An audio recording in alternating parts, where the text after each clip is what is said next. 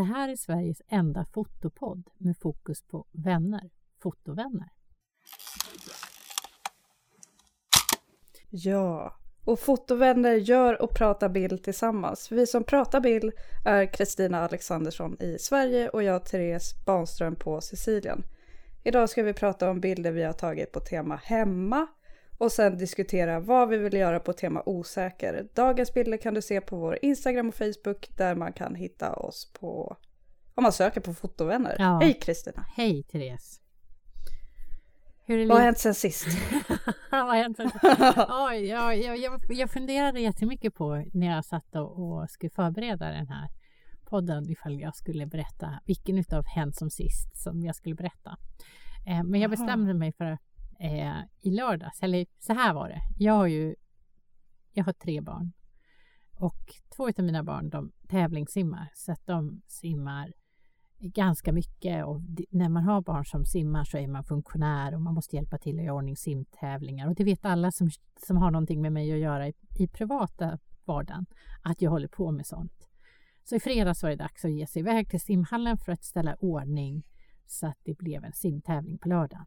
Och så när jag kommer till simhallen, jag har aldrig varit i den här simhallen förut, så visar det sig att det är världens finaste rum jag kommer till. Det är jätte, jättevarmt men solen bara gassar in mot en så här, det är liksom ett fönster, en fönstervägg som är jättestor och bara mm. solen bara mm. vräker in i bassängrummet. Det är jättevarmt där inne, säkert 30-35 grader. Och så finns det en stor fondvägg som är så 50-tals i pastellfärg och det är så himla vackert. Och jag känner på en gång, fan i mig, det är ingen som har berättat för mig att den här simhallen är så där vacker. Mm. Så det första jag säger så här, varför har ni inte bjudit hit mig så jag kan komma hit och fotografera? Och då säger tränaren till mig, men du kan komma på måndag och fota. Och jag bara, mm. jag kommer på måndag. ja. det vanliga är ju nämligen att jag fotar när mina barn tävlar eller andra tävlingar. Men nu bestämde jag mig för att det här rummet och det här ljuset och det här vattnet och reflektionen den var så oemotståndlig så jag var liksom tvungen att åka till simhallen trots att mina barn inte ens tränar den tiden för att liksom ah. få möjlighet att fotografera i det här motljuset som det blir då med simmande armar och skvitt och vatten. Och, och det var verkligen en magisk dröm att få befinna sig där i, i måndags kväll när solen bara brassade in och så hade jag simmande barn som, som simmade i vattnet. Och så, jag tycker mycket om bilder där de ser ut som de är liksom en del av vattnet eller där vattnet liksom ligger ovanpå dem. De här inte... Jag skulle säga de misslyckade simbilderna. Men jag tycker att det är det det handlar om. Hur simmaren är en del av mediet och liksom verkligen hör ihop med det. Så det, det är väl, kan väl jag säga är min stora sån här fotoupplevelse den här veckan. Att jag dels hittade Det låter som en fantastisk eh, inspirationsboost, om man kan ja. kalla det så. Ja, det, det, och jag var, för några veckor sedan så var vi på en annan simtävling och där var det också en sån simhall som hade väldigt stora fönsterväggar. Och just det där att jobba med motljus och en simmare i vattnet visar ju sig vara extra, extra roligt, speciellt när det är mycket ljusinsläpp. Mm. Men, men det också, finns också dilemman med att fotografera en simhall. För det, Vilka är det? Ja, men man får ju egentligen inte fotografera i simhallar. Det är, ju, det är det största dilemmat. Nu är det här klubben, eh, det är våra simmare, men det är fortfarande någon sorts balansgång där. Man måste nästan stämma av med föräldrarna. Jag vill helst inte att bilderna på barnen ska vara identifierbara. Jag vill inte att man ska kunna säga att det är den här simmaren. Utan jag vill att det ska kännas som att det är egentligen vilken simmare som helst. Och i det här, och det är intresserad av, deras kamp med mediet. För det är nästan så de slåss med mediet. Eller ja, de befinner sig i någon sorts tvekamp med mediet. Mm. Ja, det är ju verkligen aktuellt nu också i samband med GDPR. Ja, och hela integritetslagstiftningen. Mm, och, precis. Mm. Och det här med olaga fot olaglig fotografering och sådär. Det, Mm. det, är ju, det är ju på gränsen till att man skulle kunna uppleva det som kränkande därför att Mm. nakenhet har blivit så laddat. Eh, och det, det, det är en del av vår samtid som jag jättegärna Mm. Dels vill jag utmana det och sen så vill jag gärna prata om det men samtidigt tycker jag det är jätteviktigt att ha respekt för andra människors integritet och deras gränssättning. Så det är en fin balansgång tycker jag. Ja, verkligen. Hopp, vad har hänt hos dig sen sist då? Ja, jag funderade också väldigt mycket, men inte på vad jag kunde välja mellan, utan det har inte hänt något. ja, det, det som har hänt fotomässigt, det är att jag har lyssnat på ett av våra eh, utkast till kommande avsnitt. Ja. Det är det fotomässiga som har hänt sen sist. Annars har jag bara varit hemma och njutit av det. På tal om dagens tema hemma. När du, ja, precis. När du lyssnar på våra fotoutkast, hur Ja. tycker du att det är att lyssna på, på våran podd? Jag tycker det är jättemysigt. och Robert brukar fråga bara, vad lyssnar du på nu? Jag bara, men på min och Kristinas podd. Jag sitter liksom och skrattar och typ Ja, pratar ja. med oss också. ja, det gör jag med. Det, Och typ såhär, nej men Therese vad säger du där? Nej men det var väl inte så du menade, du menade ju så här. så, så, ja. och så har jag Man lär sig mycket om sig själv. Men så hör jag också hur jag liksom mitt i en mening kan komma på mig själv att jag vill säga någonting om något annat och så ändrar jag helt riktning. Och hur svårt jag har att hålla mig till en tanke. Ja, sådana grejer har jag också lagt märke till. Plus att jag pratar väldigt långsamt. Mm. Och ja, Fast det tycker jag är Jag skönt. inte. Jag, tycker det är härligt. mm, För det ger en tid, speciellt eh, att liksom ta in det bilden föreställer, det, bild, det, det du ser i bilden. Det tycker jag om. Jag gillar eftertänksamheten i samtal. Ja, jag älskar ju också att lyssna på våra samtal. Jag, ja. Och jag säger att vi hoppar rakt in i hemma, ja, ska vi, gå, hemmabilderna. ska vi gå på din bild eller? Ja men absolut. Du, jag är... Än en gång, alltså jag får buga. apropå, det, apropå det där att få podda med dig är ju... Det är ju en ynnest att få podda med dig, men det är ju en ynnest att få se hur du löser uppgifterna och hur, hur fantastiskt det är att se en bild som är så välkomponerad och så alltså enkel men ändå så otroligt genomtänkt. Ja, ja, fantastiskt. Tack. Och detsamma. Ja, nu ska jag berätta vad jag ser. Ja. Det är en eh, liggande bild i färg. Egentligen skulle jag säga att bilden föreställer former och framförallt fyrkantiga former eller kan, liksom former som vi känner igen som fyrkantiga och det är ett tema som går igen i bilden. Det är en, för att göra det enkelt för betraktaren så kan jag säga att det man ser är en diskho. Man ser en yta... eller bilden är vit eller beige i färgtonerna och det går i en väldigt mjuk färgskala. Så allting går i de här mjuka beigea färgerna. Det finns lite svart men det är inte svart så att det känns hårt svart utan det känns mjukt och väldigt tilltalande. Och det känns som att jag är hemma. Det är liksom, färgtonen är hemma. I bilden så finns det olika attribut som man har vid diskbänken. Det finns dels en, en sån här tvålhållare som jag skulle kunna tro innehåller antingen tvål eller diskmedel. Och den står på den högra sidan precis uppe på kanten av diskon. Och sen kommer det en diskho som är sådär precis avrundad i hörnet. Den är inte riktigt fyrkantig men den är liksom mjukt rundad i hörnet. Och den formen kommer sen igen bakom blandaren, det vill säga vattenkranen säger väl de flesta, men min pappa är rörmokare så jag vet att det heter en blandare. Bakom blandaren står nämligen skärbräda och den har samma form som diskon. Det är alltså formen kommer igen från diskon. Bredvid blandaren eller vattenkranen så står det en form som jag känner igen från den här diskmedelsformen. Där kommer nämligen en kanna och den korresponderar, det är det som är så snyggt i den här bilden, den korresponderar nämligen med den här diskmedelsflaskan, den tekannan eller kaffekannan eller vattenkannan eller vad det nu är för något. Den, den är svart i locket och diskmedelsbehållaren den är vit. Så det blir liksom varandras motsatser och på så sätt så, så kopplar de ihop väldigt snyggt. Och sen i högra delen av bilden, den är ljus och väldigt mycket ljus. Och den vänstra delen den går liksom mörkare toner och slutar i en, i en svart. Ja. Det skulle kunna vara en skärbräda eller ja, någon form av plåt eller någonting som står uppställt. Och så framför kannan finns det också bestick. Det ser ut som en kniv och en gaffel som jag ser det. Och så det är liksom en, en vardagsbild utav ett hem. Och det skildrar också hemmets hjärta, det vill säga köket, där liksom hemmet, där man verkligen känner hemmet och där man bygger hemmet, i alla fall så som jag tänker. Och Det här känns verkligen som ett lantkök. Och sen är det såna här fantastiska detaljer i diskhon. Man kan se ränderna utav det som har diskats eller fett som ligger kvar. Så det är liksom smutsränder. Och det gör en ännu mer magisk.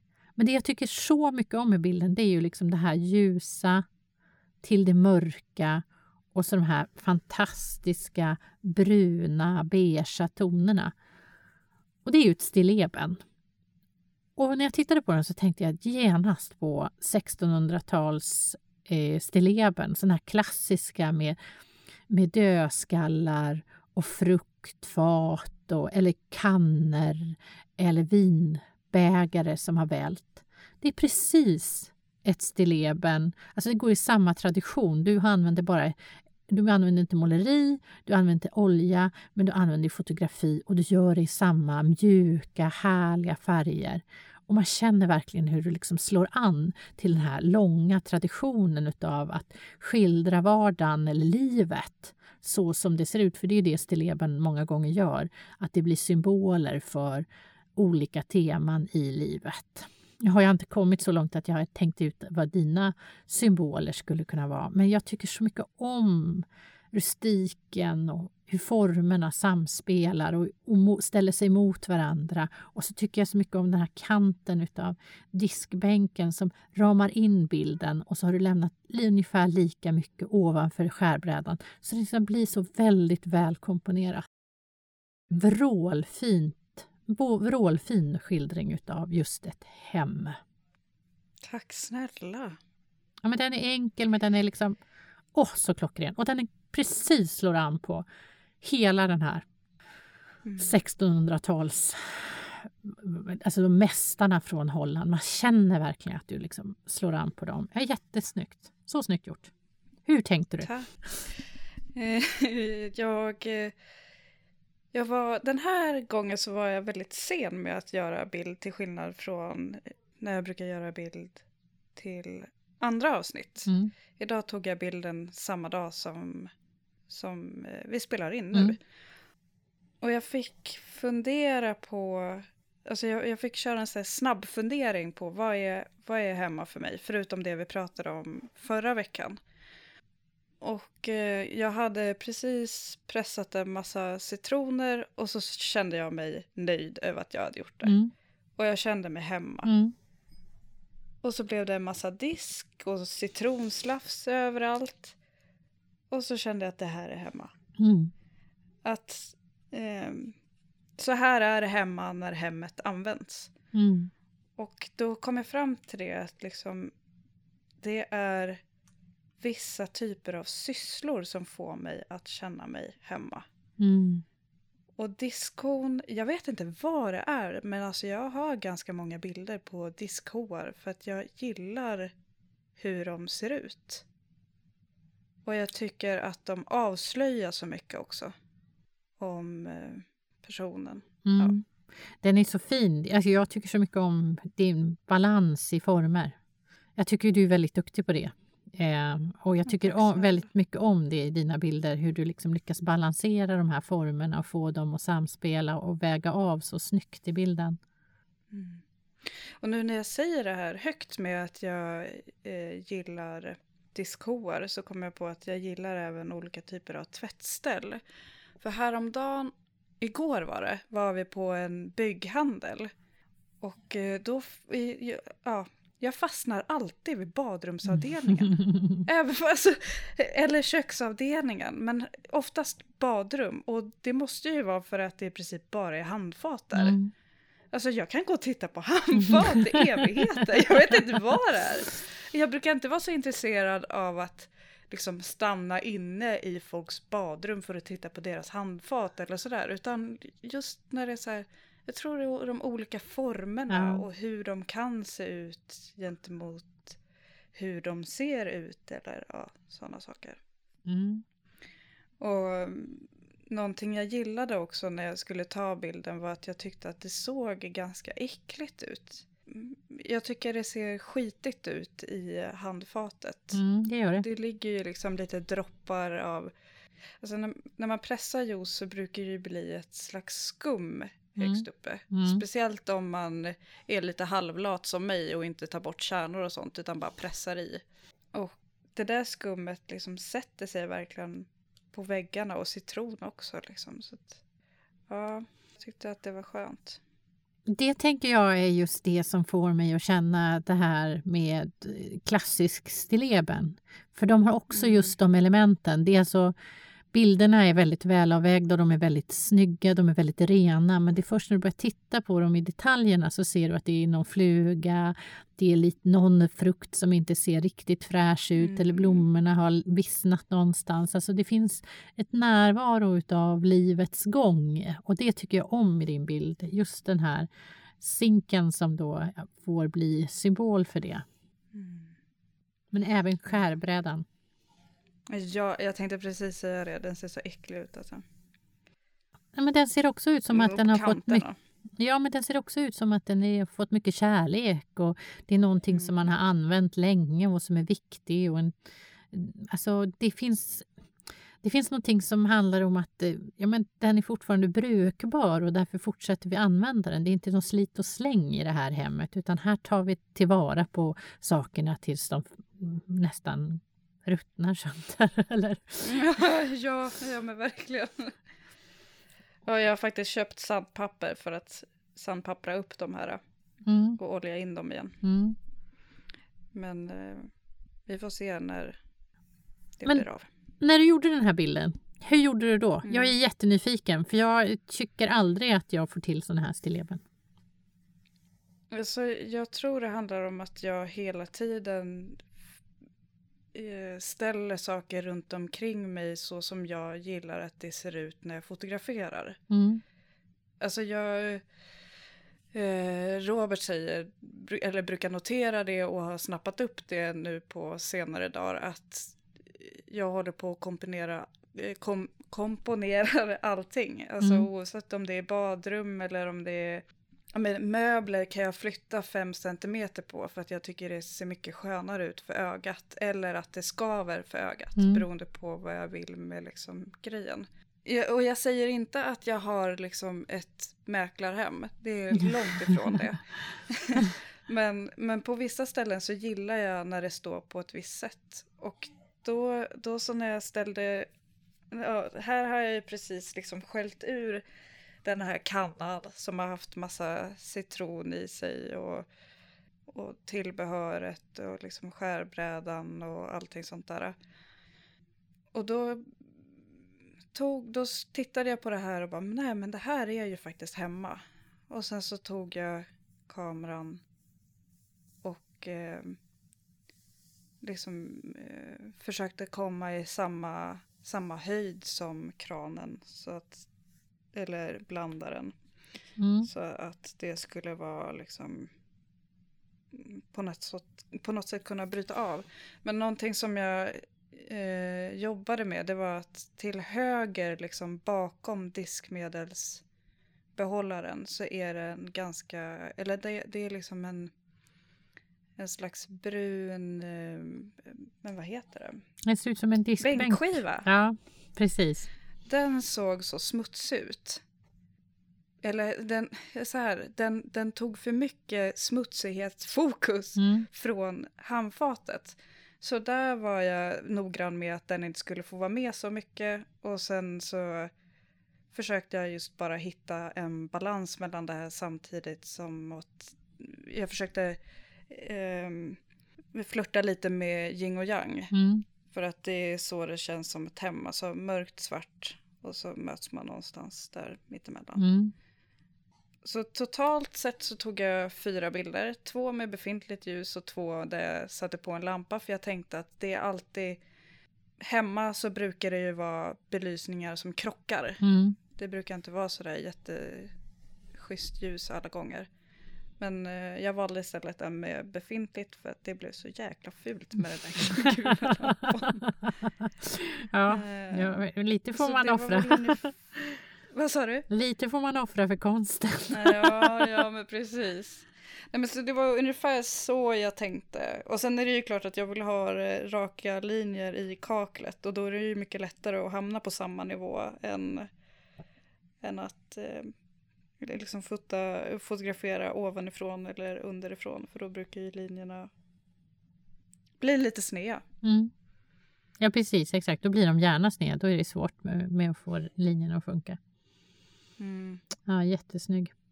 Väldigt fin. Ja gud, stackars Robert. Nu när jag, jag alltså mannen, nu, nu när jag tänker på det så sa han häromdagen att han bara Kolla hur jag har ställt upp toapappret.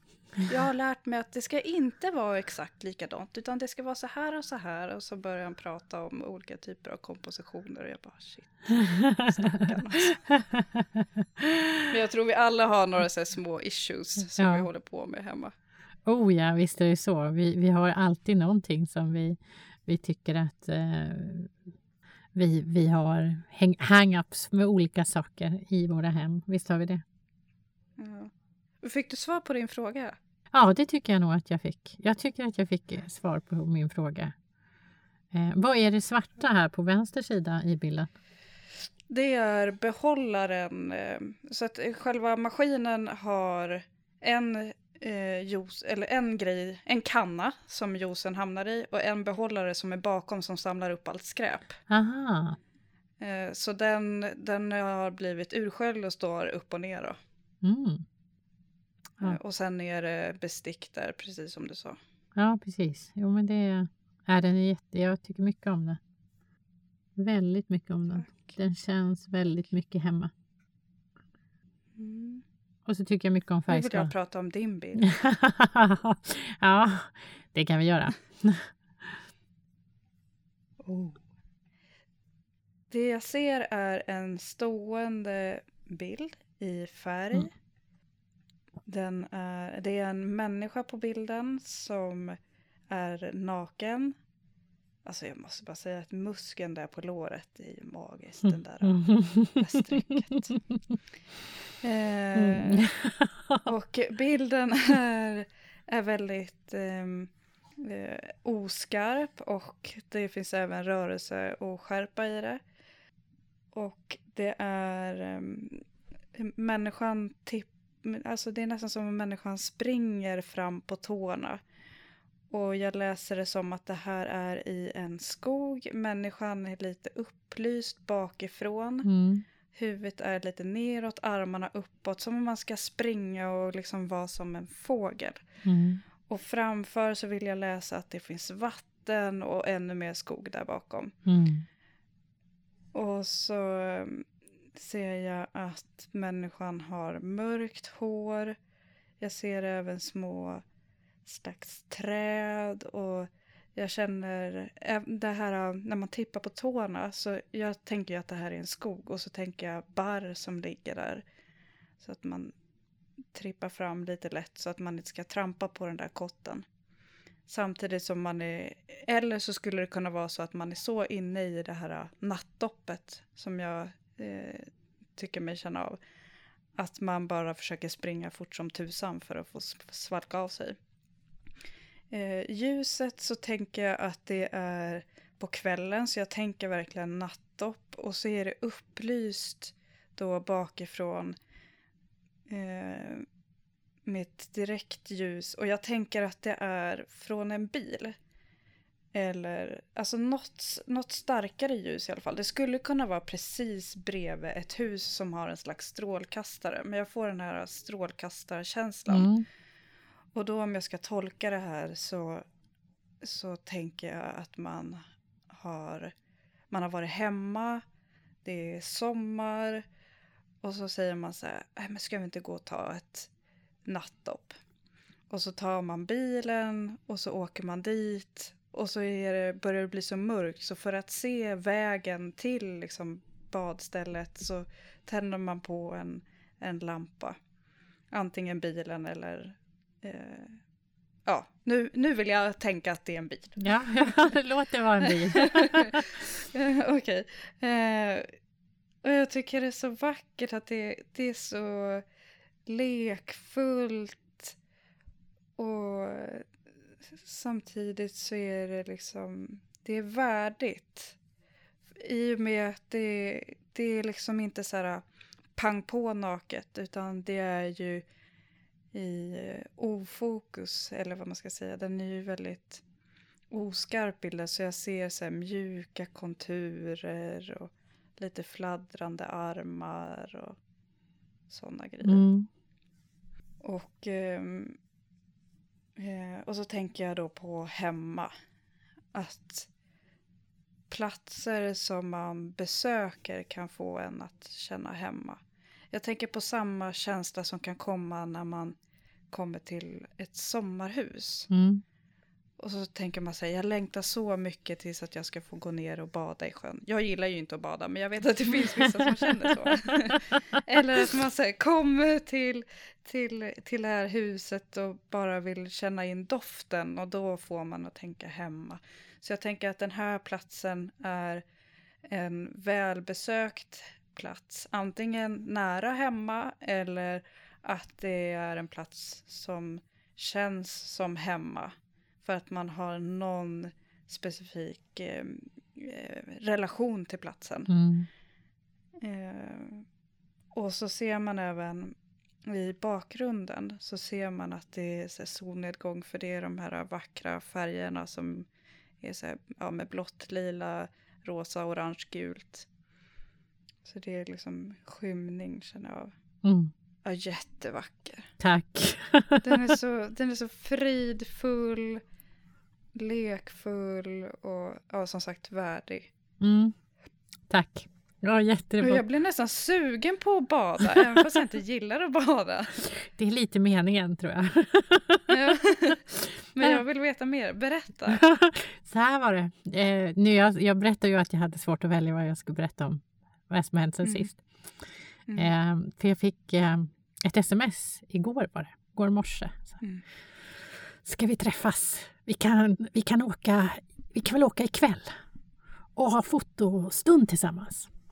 Så då fick jag i, i present av en av våra vänner, du känner honom också, att, eh, att vi skulle fota tillsammans. Och han hade så här, ja, vi åker ut till Nynäshamn och så åker vi till den här bulkfabriken och så, eller cementfabrik, en bulkhamnare. Där finns det värsta stället, där kan vi fota. Och jag bara okej. och så säger jag bara ja, för jag tänker så här, ja, men det är klart jag måste säga ja, för det är alltid roligt att fota tillsammans med någon. Och det är roligt att ha någon med som tycker det är roligt att fota. Och så tänkte jag så här, ja men det är solnedgång, då kan jag ta med mig leksaker. Och så kan vi ha liksom, ja, jag brukar ju fota mina leksaker i motljus i solnedgång. Men eh, vår, min, men min kompis, eller vår kompis, han, han hade bestämt sig för att han hade burit med alla lampor och allting. Han hade tagit med sig ljus, allt för att jag skulle få fota så mycket jag ville i den här miljön. och är något man kan säga så är jag ju inte riktigt hemma i, i naturfoto. Det är ju liksom inte riktigt min genre. Eller människan i naturen är ju vanligtvis inte det jag brukar fota. Så, så hade jag inte en tanke på att jag skulle välja någon av de här bilderna. Det var inte så att jag fotade med temat hemma igår kväll. Utan det var först när jag tittade på bilderna som jag tänkte det här är precis vad det är för mig att vara hemma. Den här skildrar för mig hemma just i det där som du är inne på, den nakna kroppen. Det vill säga var någonstans är vi, hem, var är någonstans är vi nakna?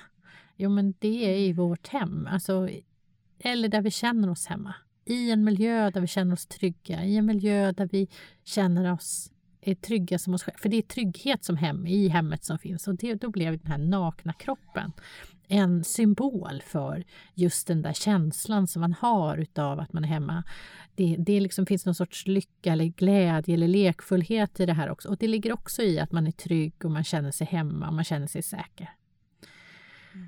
Upp på det så är det så här att den här bilden är ju hemma för mig också i bemärkelsen att det här mjuka fokuset och den här fantastiskt eh, mjuka stämningen, det är ju hemma för mig. Det är ju, jag älskar ju den här typen av bilder. Det här är ju verkligen... Här ligger ju, här ligger ju så mycket det som jag faller för i inte så mycket i fotografi kanske, men i måleriet. Alltså sekelskiftsmåleri i mjuka, vackra mycket nordisk belysning, solnedgång, skagenmolnarna, Sån. Jag ser liksom Såns kuller som, ska bada, som står i vattnet och ska bada och sådär.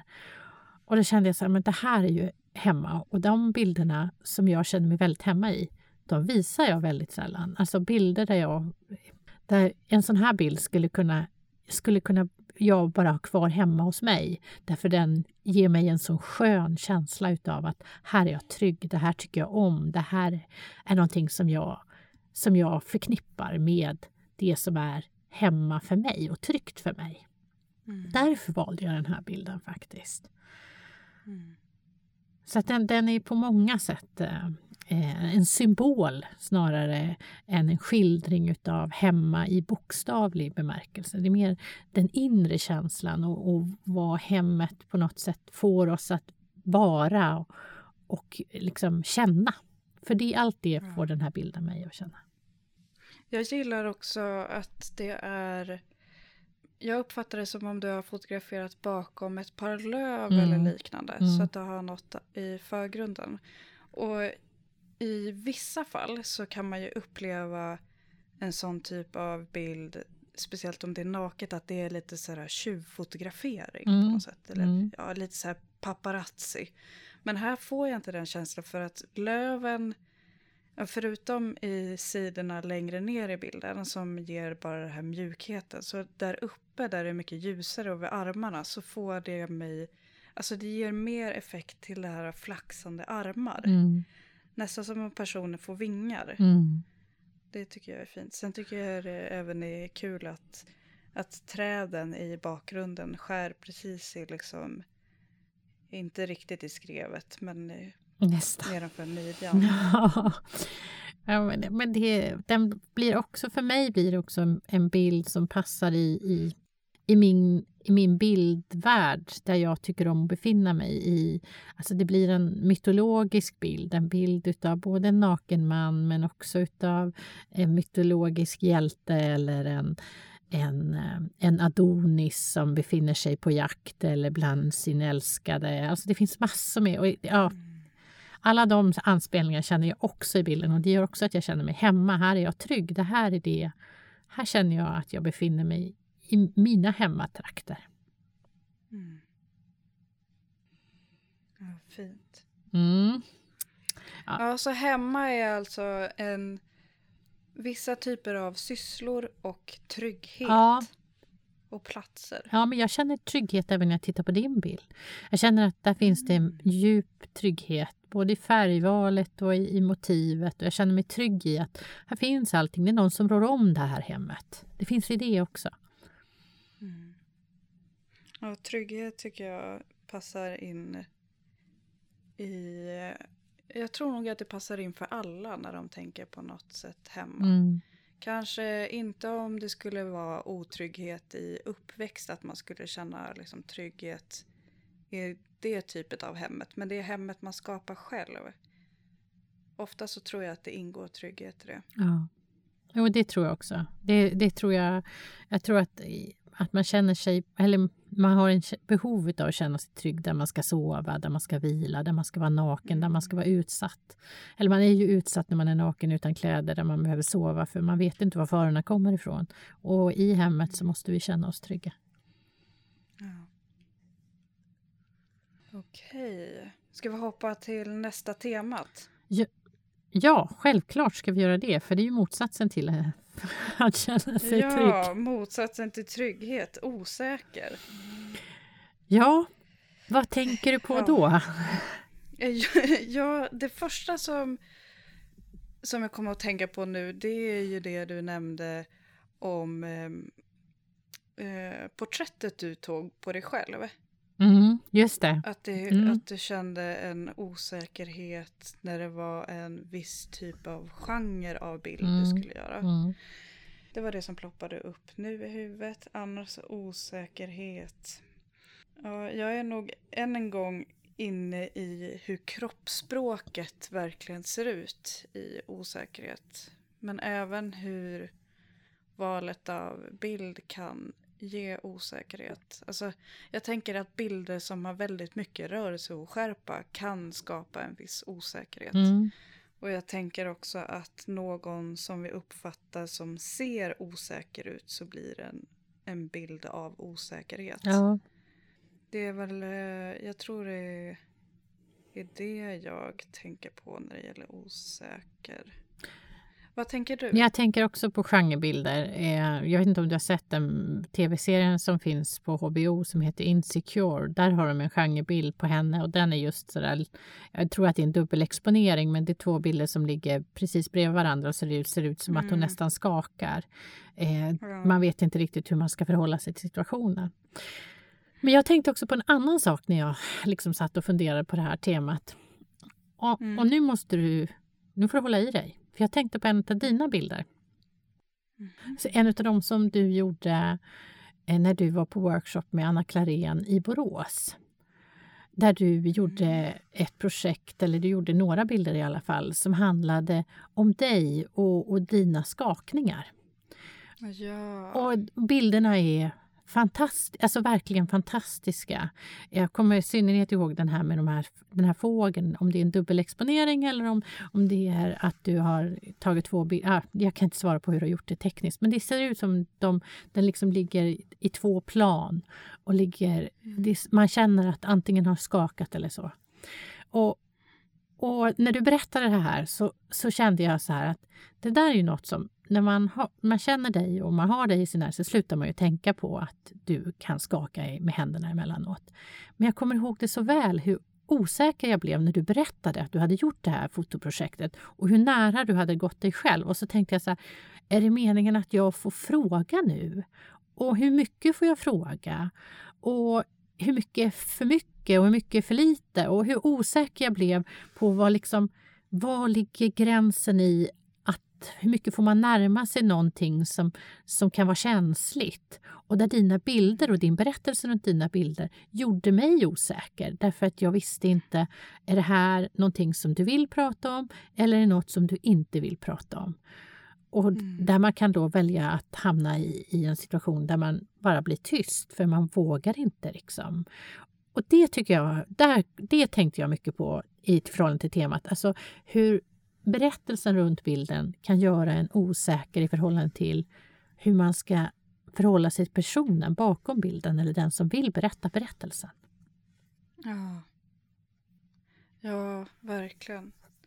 För mig så är det i alla fall så att när jag väl väljer att visa någon bild eh, så får man prata hur mycket som helst om det med mig. För då känner jag att då har jag, då har jag tagit steget att... att eh, alltså det, det är lite så här, har jag sagt A så får jag säga B. Mm. Jag får tänka att om jag väl säger någonting om det här eller berättar eller visar en bild som speglar på det här, då måste jag faktiskt eh, öppna upp mig. Jag märkte det med en grej som jag gjorde på en eh, fotokurs förra året. För då hade jag fotograferat väldigt mycket i samband med att min farmor gick bort. Mm. Och jag visade de bilderna för läraren för att jag hade satt ihop det som en slags bok. Mm. Och det var mycket anspel på eh, psykisk ohälsa samtidigt som det var alltså, på något sätt att, eh, ja vad kan man säga, minnas Mm. Eller bearbeta och sådana grejer. Mm. Och den skulle jag egentligen, den serien skulle jag visa för hela gruppen. Men jag kände det att jag har det, det var för nära inpå. Mm. Så jag, jag visste att jag, jag kommer inte kunna ta det här nu. Jag kommer inte, alltså jag, jag är för skör för att ta emot feedback om bilden eller om berättelsen. Ja. Och då backade jag och så tog jag någonting helt annat. Och då blev det den här skit ner dig Mm. Som är med på utställningen nu. Och som är helt klar också. Eller hur? Ja, Det kan, ja. kan man ju också se på din hemsida, barnström.se, eftersom jag har varit inne och tjuvkikat. ja. Men, men, men, det, men, men, det är, det är som, men det där är alltid en svår balansgång för att det, du, Ja. för man upplever ju den som delar med sig av det här också. Så Jag upplever dig som otroligt trygg. Eh, Men osäkerheten kan ju landa i betraktaren i alla fall. Och det där är spännande, Ja. för det där är ju en otroligt spännande känsla som bilderna och berättelsen också förmedlar. Mm. Och det ska du ju ta som en styrka. Ja. Tack snälla. Ja, jag, just det här med kroppsspråket. Jag tänker att det är samma sak på, som vi hade på tema ledsen. Att det blir på något sätt väldigt mycket kroppsspråk. Dubbelexponering tänkte jag också Mm. på. I samband med det här med rörelse och skärpa. Fågelbilden var förresten en dubbelexponering. Mm. Ehm, men sen, ja. Det är samtidigt jobbigt när kroppsspråket säger en sak men så känner man någonting annat. Mm. Jag tänkte på det nu. Eh, jag och mannen var och hämtade hästarna som är på en slags lösdrift. En, st- en större hage som de går på under dagen och sen så när man rider dem så tar man in på en mindre hage och så rider man ut eller så rider man liksom inne. Mm. Och så tittade jag på honom och så såg jag att hästen betedde sig lite konstigt. Eller inte konstigt utan jag märkte att han är osäker. Han, han, känner, han känner sig osäker. Och hästen känner av det. Ja, såklart. Det var min första tanke. Och så tänkte jag så här. Nej Therese, nu får du faktiskt skärpa dig. Du får vara tyst den här gången. Det säger ingenting nu. För att du, om jag säger det, är du osäker så kommer ju det bli... Kanske så skulle det kunna bli så att han blir ännu mer osäker. Mm. Men sen när vi liksom hade kommit fram och sådär, då, då frågade jag honom om han kände sig osäker i den här och den här situationen. Och då var han nej, nej, nej, nej, nej. Så att vi har ju också lärt oss att vissa typer av kroppsspråk betyder en viss sak. Mm. Eh, som inte alla gånger speglar på något. Men jag tror nog att det är bra att vara medveten om det så att man, man vet att folk kan uppfatta en på vissa sätt. Till exempel att jag skakar, då behöver jag säga det så att inte personen jag pratar med kanske eh, blir nervös av att prata med mig Mm. För att jag skakar. Eller att eh, jag vet att jag kan se folk uppfattar mig som att jag är väldigt sur när jag är neutral i minen. Då kanske jag behöver säga det om jag tror att personen liksom uppfattar det. Ja. Mm. Att det där är så svårt att veta hur, hur man Mm. uppfattas. Mm. Man, det är ju jättefint, för att det där är ju... Alltså osäkerhet ligger ju ofta under ytan också snarare än utanpå ytan. Det är först när vi då ska Mm. försöka skildra det i bild som vi mås- måste få fram det på något sätt. Ja, men jag tänker också, behöver man vara övertydlig när man ska göra en sån bild? Alltså är det därför, genrebilderna är ju alltid övertydliga. Behöver man vara övertydlig även i en bild av, om osäkerhet? Ja. ja, bra fråga. Jag tänker nu också på sköld. Mm. Alltså skölden man väljer att ha i samband med det. Mm, det är klart, absolut. Eh, och, sen tänk, och sen funderar jag på om osäkerhet är olika uttryck hos eh, män och kvinnor. För du tolkade Roberts eh, känsla där på hästen som osäkerhet. Och att det Mm. låg hos dig och hur du upplever att du liksom signalerar osäkerhet medan han inte tyckte det. Det är spännande också. Hopp, vad ska du fotografera då? Ska du fotografera kroppsspråk, en kroppsspråksbild? Är det det du tänker? Ja, jag jag tror jag är mer nyfiken på den här skölden som vi väljer att ha. För Mm. att inte uppfattas som osäkra. Men jag vet inte riktigt. Jag har ingen klar bild av det. Har du det? Nej, nej, men jag tänker på en bild som du tog, jag kommer inte ihåg på vilket tema, där det var bara två fötter som stod bredvid varandra och den ena såg väldigt osäker ut och den andra såg väldigt säker ut. Eh, Ja. Jag kommer inte ihåg vad temat var, ingen aning. Men jag tänker att man skulle kunna sätta saker i en situation också. Osäker, jag känner mig alltid osäker i stora folksamlingar. Jag, det här har jag pratat om förut. Jo, men det var ju på, jo jag kommer ihåg, nu vet jag vad det var, på kallprat var det. När vi hade temat kallprat. kallprat. Då pratade vi också om osäkerhet och hur osäker man kan vara i en sån situation där man inte känner sig trygg. Ja. Mm, ja, jag har, inga, jag, jag har inga direkta bildidéer. Jag tror att det blir ett självporträtt, det känns som så. Ja. ja, vi får väl se om en vecka helt enkelt. Ja, det ska bli jätte, jättespännande. Tack för idag. Tack själv. På återhörande. ja, precis. Hej! Hej!